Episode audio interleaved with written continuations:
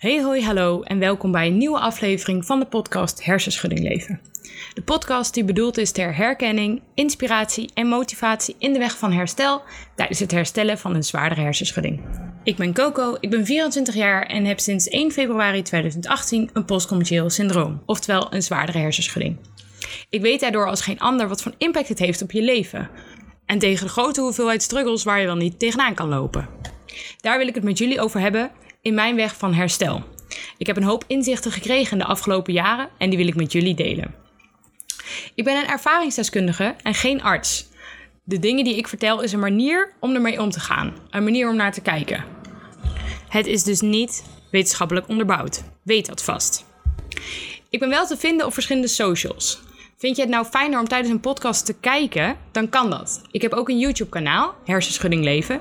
Daarop kun je mij ook vinden en kun je de aflevering meekijken. Dan zie je mij gewoon praten. Ook ben ik te vinden op Instagram.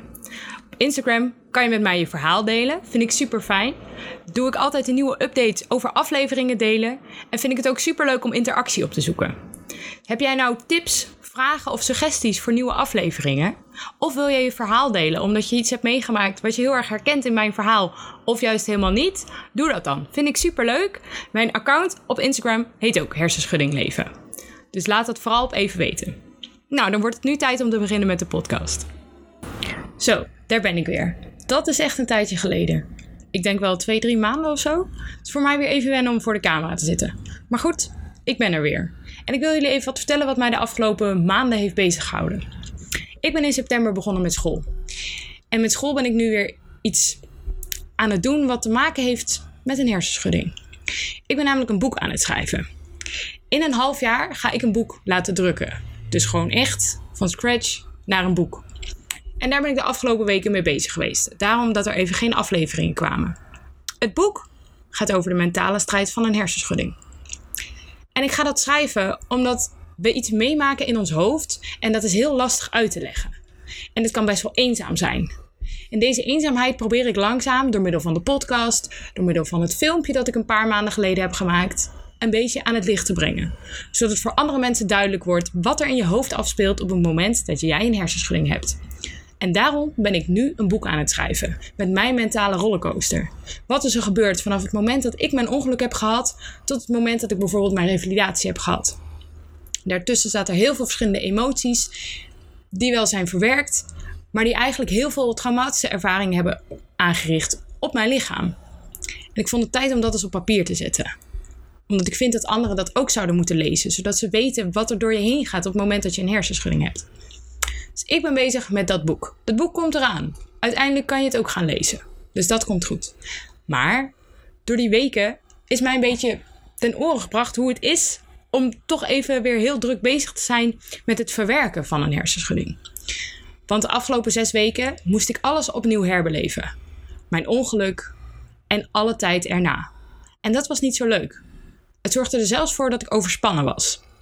Maar nu ben ik weer een beetje de oude en wil ik er graag met jullie over praten. Want hoe doen jullie dat met verwerking? Ik heb ook tijdens, op voor deze podcast weer een stelling op Instagram gezet met meningen van jullie, omdat ik wil weten hoe het met jullie verwerking gaat. Ben je er al aan toegekomen? Waarom wel, waarom niet? Dat ga ik bespreken in deze podcast. Maar eerst wil ik even beginnen bij het begin. Wat is verwerken überhaupt? Ik heb de definitie opgezocht en de definitie van verwerken is ermee bezig zijn tot je het kan aanvaarden. Oké, dus dat betekent dat je er actief mee bezig moet zijn. Zo klinkt het. Op het moment dat je een hersenschudding krijgt, gaan er best wel wat verschillende emoties door je heen. Vooral ook in de tijd erna. Want op het moment dat je bijvoorbeeld een ongeluk krijgt, kan best wel een traumatische ervaring zijn. Maar daarna moet je ineens kampen met allemaal verschillende lichamelijke reacties die je waarschijnlijk niet gewend bent. Ineens moet je dealen met dingen die je ook niet gewend bent. Je bent misschien wat meer alleen. Mensen begrijpen niet helemaal waar je doorheen gaat. En je hebt ineens veel heftigere emoties. En dat moet uiteindelijk wel verwerkt worden. Maar hoe doe je dat nou? Ik heb in de vierde aflevering van de podcast, dus dat is echt al anderhalf jaar geleden, een keer gehad over herstelfases. Dat zijn er vier. Dat zijn ontkenning, afzetten, ontdekking en acceptatie. Ik wilde heel even terughalen, dus ik ga ze heel even kort weer bespreken. Ontkenning betekent dat je eigenlijk ontkent wat er is gebeurd en zo snel weer terug wil naar het oude. ook daarbij zit natuurlijk heel veel onwetendheid. Je weet niet hoe heftig het is, je weet niet wat het met je lichaam doet en je weet niet wat de schade eigenlijk allemaal precies is. Je verwachting is ook meestal dat het wel heel snel weer voorbij is. Maar vooral als je een langdurige hersenschudding hebt, is dat niet eigenlijk altijd het geval. Daarna kom je eigenlijk in een periode van afzetten en rouw, waarin je heel veel frustratie kan ervaren, maar ook heel erg verdrietig kan zijn, omdat het gewoon niet meer is wat het is en het ook even snel niet meer wordt. Je kan daarbij ook jezelf verliezen, want je bent niet meer de oude. En dat kan best wel lastig zijn. Daar dus kan ook heel veel frustratie en boosheid bij zitten. Wat best wel logisch is. Heb ik ook veel gehad. Daarna kom je eigenlijk in een fase die heet ontdekking. Je gaat langzaam een beetje kijken, wat kan ik wel? En kan ik misschien steeds een beetje meer? Je gaat je grenzen opzoeken, maar dat is wel een hele lastige fase, want dat betekent dat je ook elke keer tegen je grens aanloopt. Dus dat betekent heel veel ups en downs. En er komt een fase bij en die heet acceptatie. Daarbij ga je accepteren wat er is gebeurd, accepteren hoe het nu is en het eigenlijk achter je laten. En dit laatste beetje, dat komt terug in deze aflevering. En eigenlijk ook die daarvoor. Want ik ben nog steeds in de fase van ontdekking en acceptatie. Ik zit in allebei, terwijl het nu meer dan 2,5 jaar geleden is. Ik ben nog steeds aan het kijken waar liggen mijn grenzen en kan ik ze verleggen. Maar ik verwacht dat dit nog wel een paar jaar gaat duren. Maar ik ben ook nu langzaam in een fase gekomen dat ik ga accepteren wat er allemaal is gebeurd. Ik heb dat al wel eerder gedaan. Ik heb geaccepteerd dat ik een ongeluk heb gehad en dat het leven allemaal anders is geworden. Maar ik heb nog niet per se geaccepteerd dat ik misschien niet meer alles ga kunnen wat ik zou willen. Dat accepteer, accepteer ik nog steeds niet helemaal. Omdat ik gewoon in mijn hoofd heel veel plannen heb en ik wil dat gewoon doen. Ik wil me niet de hele tijd laten tegenhouden door mijn gezondheid. Dus met die acceptatie moet ik ook nog een beetje stoeien. Maar goed, dit heeft te maken met verwerking. Want uiteindelijk kom je wat verder in je proces en kan je misschien een beetje afstand gaan nemen. En dan kan je langzaam dingen gaan verwerken die er zijn gebeurd. Ik heb tijdens het herstelproces niet heel veel bezig gehouden met verwerking. Het gebeurt ook onbewust een beetje. Je gaat onbewust accepteren wat er is gebeurd. Onbewust het een beetje een plekje geven. Maar soms moet je iets actiever ermee bezig zijn. En dat heb ik de afgelopen weken nog een keertje ervaren het is belangrijk op het moment dat je iets gaat verwerken, dat je er afstand van kan nemen. Dus dat je er een beetje in een soort van nieuwe blik naar kan kijken. En ook negatief, maar positief kan naar gaan kijken. Dus niet alleen al wat vervelend mijn hele leven is veranderd, maar ook kan kijken naar de mooie dingen die zijn gebracht.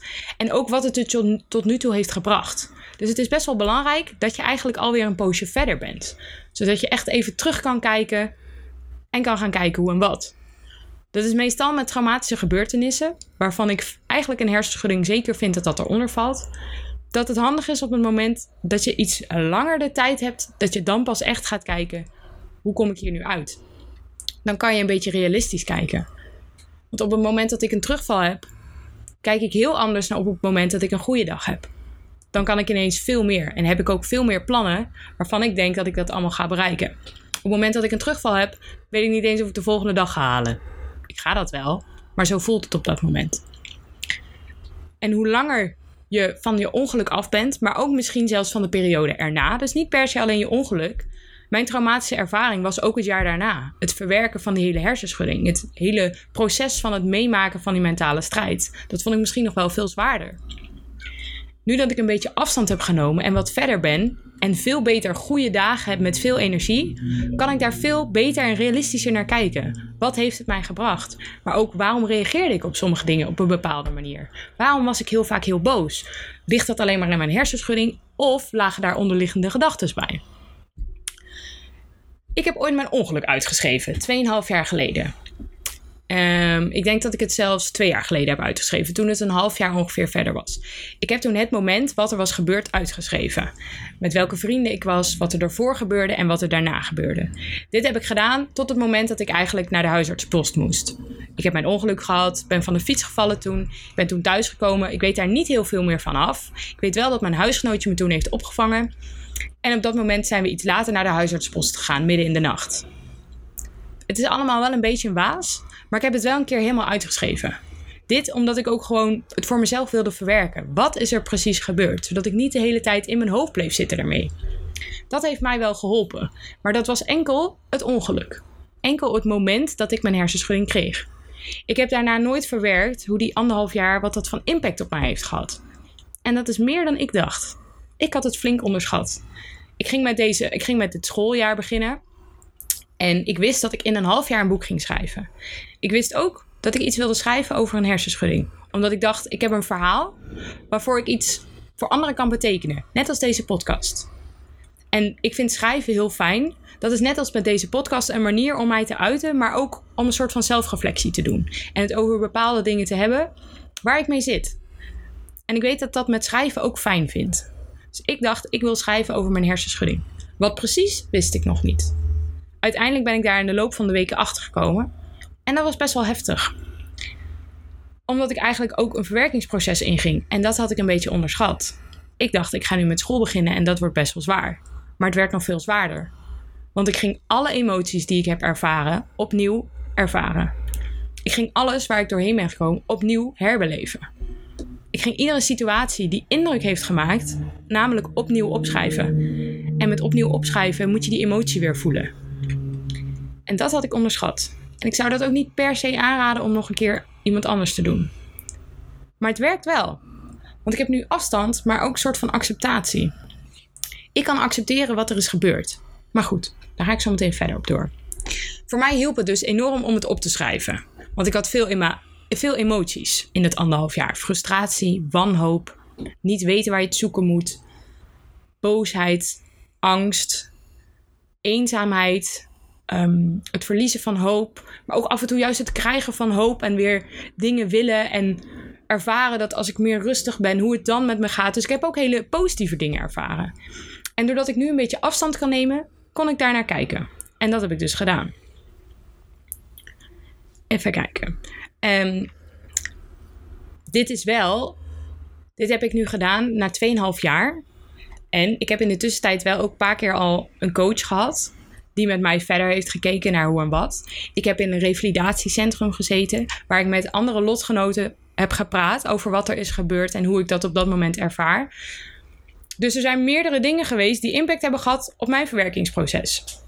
Ik denk ook niet dat ik nu pas ben gaan verwerken. Ik was al veel eerder aan het verwerken. Ik heb dat nu alleen gewoon opnieuw gestart. Maar er zijn best wel wat dingetjes die je actief kan doen om jezelf te helpen in het verwerkingsproces. Omdat ik wel denk dat het heel belangrijk is om het te verwerken. Anders ga je er nooit bij kunnen stilstaan en in angst verder leven. En wat zijn nou dingetjes die je kan doen? Ik ging een beetje zoeken op thuisarts.nl. Ik vind dat een hele handige site. Um, en ik ging daar even kijken, wat doe je bij een traumatische gebeurtenis? Nou, het is belangrijk om er eerst afstand van te kunnen nemen. Dat zeiden ook zij. En daarbij is het belangrijk dat je even uit de situatie gaat. Dus ontspanning kan nemen, um, rust hebt en afleiding. Maar we hebben een hersenschudding. Je kan niet even afleiding nemen van je hersenschudding. Wat ik denk is op het moment dat jij echt je hersenschudding wil gaan verwerken, dan moet je er al een poosje in zitten.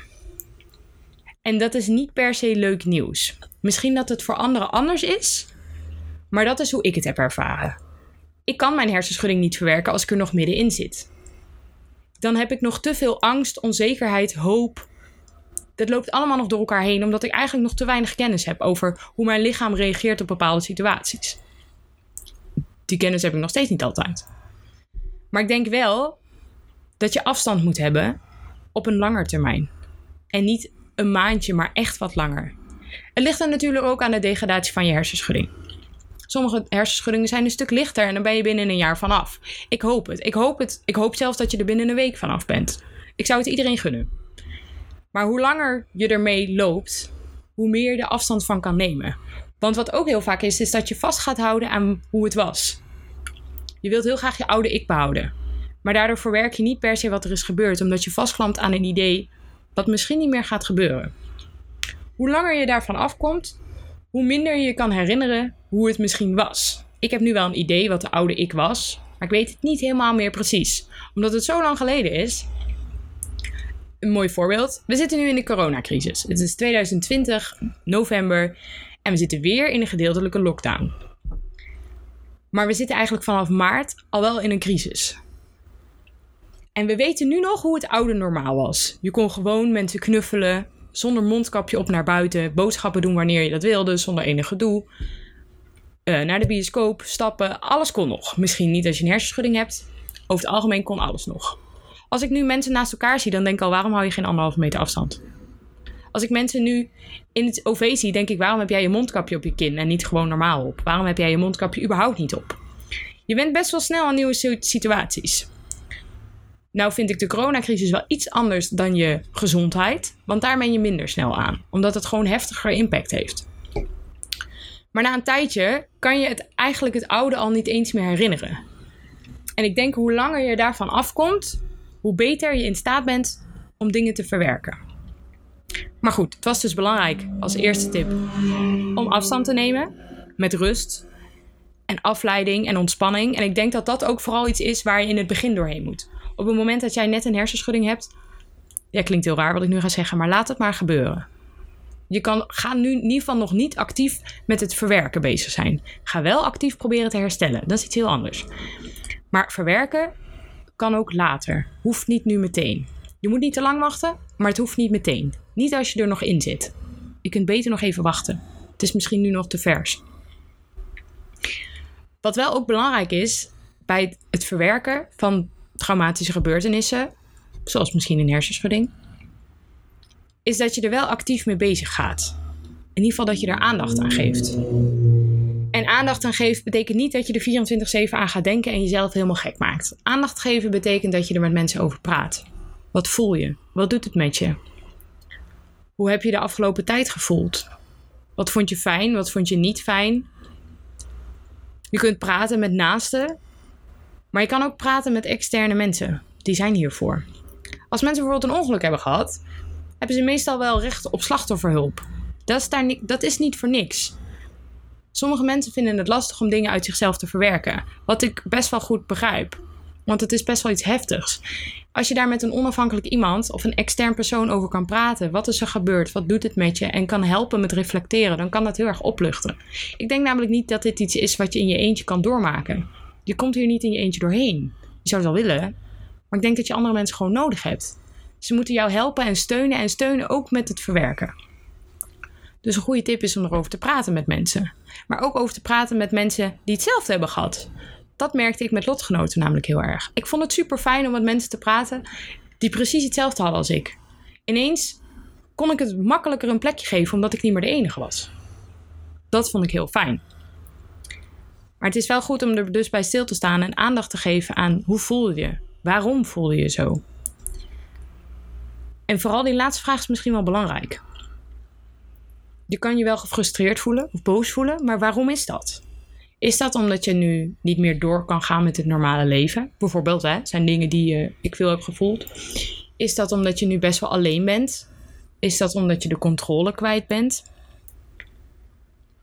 Het kan best wel handig zijn om tijdens een reflectie en een, daarvan dus ook een verwerking na te gaan bij waarom voel ik me hoe zoals ik me voel. Zijn er redenen waarom ik mij zo voel, waar ik misschien iets aan kan doen? Wat misschien helemaal niet is wat ik dacht dat het is. Oké, dit is een vage zin. Maar stel ik denk dat ik mij mentaal niet goed voel en dat het ligt aan mijn hersenschudding, kan het ook best wel liggen aan het feit dat ik eenzaam ben. Die eenzaamheid kan wel komen door mijn hersenschudding, maar eenzaamheid is heel anders aan te pakken dan een hersenschudding. Bij een hersenschudding moet je gaan trainen, prikkels oefenen, uh, ik zeg maar wat tv kijken, een half uurtje of een half uurtje op je computer het een en ander opzoeken. Maar eenzaamheid pak je zo niet aan. Je wordt niet minder eenzaam als je een half uurtje tv gaat kijken. Misschien word je wel meer eenzaam, omdat je allemaal mensen ziet. Eenzaamheid pak je aan door juist met naasten te zijn en met vrienden. En misschien juist met hun te praten over dingen wat helemaal niks met je hersenen te maken heeft. Zodat je heel even een ander soort afleiding hebt. Dus reflectie is denk ik ook een onderdeel van de verwerking. Het durven kijken naar jezelf en het vragen stellen. En ik denk dat je eerlijker naar jezelf durft te zijn als je afstand kan nemen. Ik weet nu namelijk dat bijvoorbeeld mijn mentale struggle misschien wel het zwaarste was tijdens mijn hersenschudding, maar mij misschien ook wel langer erin heeft gehouden dan ik dacht. En ook dan ik zou willen. Ik zou willen dat het fysiek was, want dan kon ik het dat de schuld geven, maar misschien heb ik mezelf er wel langer in gehouden dan nodig is. Ik ben er nog steeds niet volledig uit, maar ik weet wel dat mentaal bij mij een hele grote uitdaging was, een hele grote struggle. Maar nu weet ik dat. En nu kan ik dat verwerken en er iets mee doen. Dus dat is iets positiefs. Um, even kijken. Dit wilde ik zeggen, dat er een tweede laag bij zit. En ik wilde graag weten van jullie, de mensen die mij volgen op Instagram. Hoe jullie het hebben verwerkt. Heb je je hersenschudding een plekje kunnen geven? En zo ja, hoe heb je dat gedaan? En zo nee, waarom niet? Want het is best moeilijk even verwerken. Ik heb dat nu gedaan en ik dacht dat ik het al lang had gedaan. Ik ging gewoon door en ik dacht, nou weet je, het zal wel. En na een tijdje heb ik mezelf soort van geaccepteerd van, nou ja, dit is hoe het is. Uh, we gaan kijken naar wat ik allemaal nog wel kan en we gaan nieuwe plannen maken. En ik heb er met mensen over gepraat en ik dacht, voor mijn verwerking, dit is hoe het is. En toen ben ik het afgelopen tijd gaan herbeleven. En bleek toch dat het toch nog wel het een en ander te verwerken viel. Sommige dingen was ik ook vergeten, maar sommige dingen deden ook nog wel veel pijn waar ik het met niemand over heb gehad. Een voorbeeld hiervan was: um, mijn ongeluk gebeurde drie dagen voordat ik zou gaan beginnen met afstuderen. En ik heb het nog wel geprobeerd. Maar ik moest er uiteindelijk wel mee stoppen. Ik heb het een half jaar later weer geprobeerd, maar dat lukte ook nog niet. Maar dit was niet alleen het stoppen van mijn school.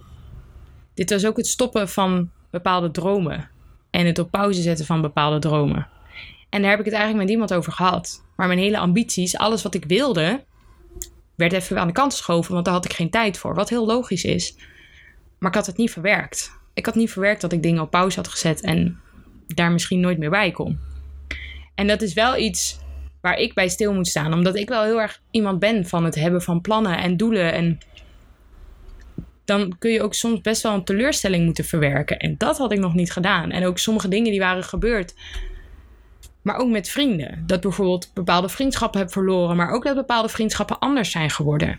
Ik kan daar nu naar kijken en denken: nou ja, het kwam door de situatie. Het is logisch dat het is gebeurd. Um, ik snap de keuzes die we allebei hebben gemaakt. En ik kan me er nu bij neerleggen. Ik wil niet zeggen dat ik er het mee eens ben, maar ik kan me er wel bij neerleggen. Maar dat heeft tijd nodig gehad. Ik kon dat in het begin echt nog niet. Dan ging ik ervoor vechten. Of juist me totaal niks meer laten horen, maar vooral vechten, want dat was iets wat ik veel deed. Maar goed, dat is hoe ik dus kennelijk mijn hersenschudding dacht een plekje te geven. Maar de afgelopen zes weken heb ik hem herbeleefd. En nu heb ik hem voor mijn idee pas echt een plekje gegeven. Want nu staat het voor mij op papier. En voor mij het opschrijven op papier, er nog een keer bij stilstaan, maar het snappen, dat is voor mij de verwerking geweest. Snappen waarom ik iets doe. Snappen waarom ik iets heb gedaan. Snappen waarom ik nu op een bepaalde manier nog dingen doe. Op het moment dat ik nu een terugval heb, is mijn grootste angst dat ik weer alleen ben voor langere dagen. Nog steeds. Terwijl ik weet dat mijn terugvallen een stuk minder heftig zijn. Maar dat is mijn allergrootste angst. Ik wil gewoon niet meer zo alleen zijn en zo alleen voelen als dat ik me toen heb gevoeld. En nu weet ik ook waarom. Ik heb het uitgeschreven. En ik snap ook waarom ik sommige dingen doe, maar ook waarom ik soms behoefte heb aan dingen die ik niet toegeef op het moment dat ik een terugval heb. Op het moment dat ik een terugval heb, sluit ik mij af van alles. Wil ik met niemand meer te maken hebben en hoop ik dat het zo snel mogelijk weggaat. Terwijl eigenlijk zou ik juist onder mensen moeten zijn. Onder vrienden. Even afleiding van mijn hersenen. Even er niet mee bezig zijn. Maar wel nog steeds ervoor zorgen dat die leveltjes blijven aangevuld. Dat ik voldoende liefde krijg van vrienden. Omdat ik mij gewoon nou niet alleen wil voelen. En als ik mij weer heel erg geliefd voel en ik ben onder de mensen, dan gaat het vanzelf wel iets beter met mijn hersenen. En dat is best wel fijn om dat nu te weten. Dus misschien helpt het jou ook wel. Nou, ik heb dus op Instagram gevraagd de stelling: ik heb mijn hersenschudding een plekje gegeven. En ik heb daar best wel wat reacties op gehad. Dus ten eerste, dankjewel. Dankjewel dat jullie daarop willen reageren. En dankjewel voor al jullie reacties op waarom wel waarom niet. En dat je daarvoor hebben openstellen en kwetsbaar op durven stellen. Ik heb dat zojuist gedaan, maar jullie doen dat ook voor mij. En dat vind ik echt super fijn, want daardoor kan ik deze aflevering een stuk beter maken. Dus dankjewel. Er komen nu wat reacties. 59% had ja gestemd. Dat waren 19 stemmen. 41% had nee gestemd. Die hebben een hersenschudding nog niet een plekje kunnen geven. Daar wil ik even mee beginnen. Omdat op het einde misschien wel wat tips zijn die we met z'n allen kunnen gebruiken. Nou, waarom konden bepaalde mensen een hersenschudding nou nog geen plekje geven? Ik ga even wat reacties voorlezen. Het is vijf maanden geleden en ik kan het nog steeds niet bevatten. Maar ik doe superveel mijn best. Topsport en heel veel eenzaam. Ja, dat is heel herkenbaar, dat eenzame. Ik wil heel graag, maar ik blijf soms mijn hersenschudding de schuld geven van alles. Ja, dit doe ik ook nog heel veel. Wel een stuk minder heb ik gemerkt, maar ik heb het wel heel veel gedaan. Dus het is echt heel herkenbaar. Ik hoop nog steeds en doe er alles aan om mij iets beter te voelen. Ja. Maar ik denk dat dat sowieso goed is. het blijven proberen.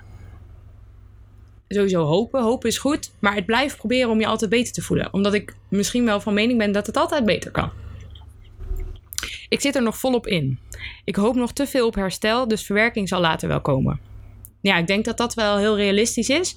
Als je er nog echt in zit, is het gewoon nog moeilijk om te verwerken. En dan, is het, dan moet je je eerst daarop focussen. De dagen zijn enorm confronterend, angstig en emotioneel. Ik vraag me af of ik ooit nog weer de oude ga worden. Ja, ja, heel herkenbaar. Ik denk dat iedereen die wel herkent. De hoop om weer de oude te worden. Is toch gek, hè? Dat dat zoiets is wat we zo graag weer zouden willen. Sommige mensen willen, weet ik veel, nieuwe schoenen of zo. En wij willen gewoon weer heel graag weer de oude worden. Dat je daar zo aan kan vasthouden. Het heeft erg veel impact op het leven. Ik kan niet zo goed lezen, ik heb weinig werk en ik heb bijna geen inkomen. Ja, dat is heel lastig. Ik snap wel dat je dan niet even tijd gaat maken om te verwerken. Want actief verwerken kost wel energie. Ik heb ook een reactie gekregen die uh, niet in het balkje paste. Daarom kreeg ik die als losse DM. En dat vind ik super leuk, want dan krijg ik echt wat meer context. En dan heb ik ook echt wat meer een idee. Dus als je dit wilt doen, doe dat zeker. Um, iemand die twijfelde heel erg tussen ja en nee. Ze vond het moeilijk om aan te geven of ze dus de hersenschudding een plekje had gegeven of niet. Het is een moeilijk antwoord. De meeste tijd ben ik eraan gewend dat ik dit heb en probeer ik er het beste van te maken. Extra te genieten van de dingen die ik wel kan. Maar als ik het echter mentaal zwaar heb, of soms een terugval heb, kan ik heel boos zijn op mijn hersenschudding. Of bijvoorbeeld heel jaloers zijn op vrienden die een huis aan het kopen zijn, nieuwe relaties aangaan of een nieuwe fijne baan hebben. Ja, dit, dit is heel herkenbaar. Het wisselt dus een beetje. Mij helpt het heel erg om te journalen en stil te staan bij dankbaarheid. En als ik boos of verdrietig ben, neem ik ook de ruimte om dit van me af te schrijven. Maar het blijft heel lastig. Ja, ik kan me hier wel heel erg in vinden. Um, ook dat ik nu merk dat veel mensen van mijn leeftijd nu een baan hebben, afgestudeerd zijn, vaste baan langzaam beginnen te krijgen en echt al aan het kijken zijn naar samenwonen, huis kopen. Um, en voor mijn idee heeft alles twee, drie jaar stilgestaan. Dus ja, ik vind dat heel lastig. Ik herken dat heel erg, dat jaloers daarop. Ik heb dat ook nog wel. Maar ik heb ook heel veel positieve reacties gehad van mensen die het wel hebben verwerkt. Um, en ik denk dat we daar best nog wel wat inspiratie uit kunnen halen. Dus ook die ga ik even voorlezen. Want we hebben natuurlijk net al voorbeelden gehoord over journalen en schrijven. En vooral ook bezig zijn met dankbaarheid. Hele goeie. Um, ik heb wat reacties voor ja, dus die een hersenschudding hebben verwerkt. Positief te blijven. Um, ik heb het verwerkt door positief te blijven denken. Alles te doen wat ik wel en denken, ik heb er maar mee te leven. Klinkt heel hard. Is wel zo. Ja, ja ik kan daar niet heel veel, uh, ben ik het wel mee eens. Um, ik vind het wel een lastige instelling. Ik weet niet of dat bij mij werkt, maar bij sommige mensen werkt dat wel heel goed. Um, maar zeker positief blijven denken en heel erg focussen op wat je wel kan, is heel belangrijk. Um, de reden die er was dat ik een hersenschudding heb, is extern. Daar heb ik geen invloed op. Maar hoe ik ermee omga wel. Jazeker. Ja, heel mooi. Door erover te praten en mij te realiseren dat er heel veel dingen nu een stuk beter gaan.